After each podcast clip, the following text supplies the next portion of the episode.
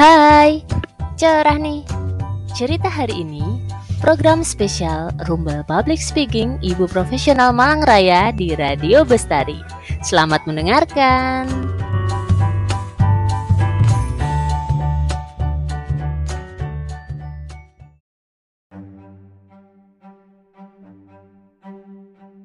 Assalamualaikum warahmatullahi wabarakatuh Hai para ayah bunda, selamat pagi Bagaimana kabarnya hari ini? Semoga selalu dalam keadaan sehat dan tetap semangat Agar bisa menjalani hari dengan lancar dan bahagia Amin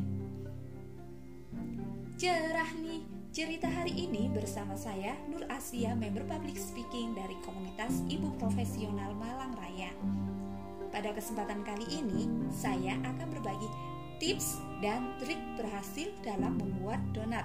Sebelumnya, saya disclaimer dulu. Ini adalah hasil dari proses belajar saya secara otodidak. Jadi, jika ada yang kurang sesuai atau kurang berkenan, mohon diabaikan saja ya. Siapa sih yang gak suka dengan donat? Makanan yang satu ini mempunyai banyak penggemar, mulai dari anak-anak hingga dewasa. Dari yang hanya pakai topping gula halus saja, hingga berbagai macam topping yang kekinian. Pernah nggak sih ayah bunda membuat donat tapi hasilnya kurang memuaskan? Jika pernah, boleh nih disimak dan dicoba tips dan trik dari saya. Pertama, dalam proses pengulainan, adonan harus sampai kalis elastis. Bagaimana sih ciri adonan kalis elastis itu? Ciri yang paling mudah adalah jika adonan ditarik tidak mudah robek karena adonan sudah lentur. Yang kedua, timbang adonan besarnya sesuai yang diinginkan. Kalau saya biasanya pakai ukuran 30 sampai 35 gram.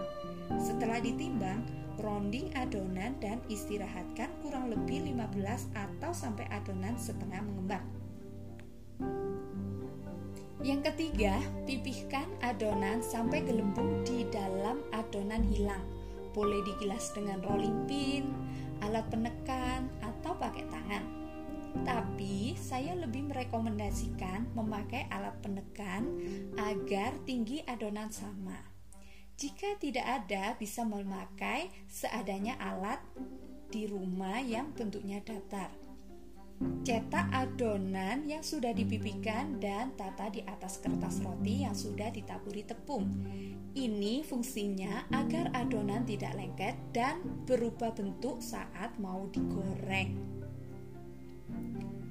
Yang keempat, diamkan adonan sampai mengembang dan ringan, kurang lebih 15 sampai 30 menit. Ini tergantung cuaca ya. Semakin dingin cuaca, semakin lama proses proofingnya. Untuk mengetahui adonan ini siap digoreng atau enggak, bisa dilakukan dengan cara cek pencet adonan. Jika adonan dipencet dan bisa kembali seperti bentuk semula, berarti adonan sudah siap digoreng. Yang kelima, goreng di dalam minyak panas sampai sesuai warna kecoklatan yang diinginkan menggunakan api sedang cenderung kecil. Gorengnya cukup sekali balik saja agar tidak menyerap minyak. Untuk mendapatkan hasil yang maksimal bisa menggunakan minyak padat. Yang keenam, donat siap dihias dengan topping sesuai selera. Oh iya ya bunda, ada satu lagi nih tips yang sayang untuk dilewatkan. Jika membuat dalam jumlah banyak dan tidak habis, Jangan lupa simpannya di tempat kedap udara dan dimasukkan dalam freezer agar lebih awet dan teksturnya lebih empuk dan ah maaf tek, agar teksturnya tetap empuk dan lembut. Sekian tips dan trik berhasil membuat donat ala saya. Semoga bermanfaat.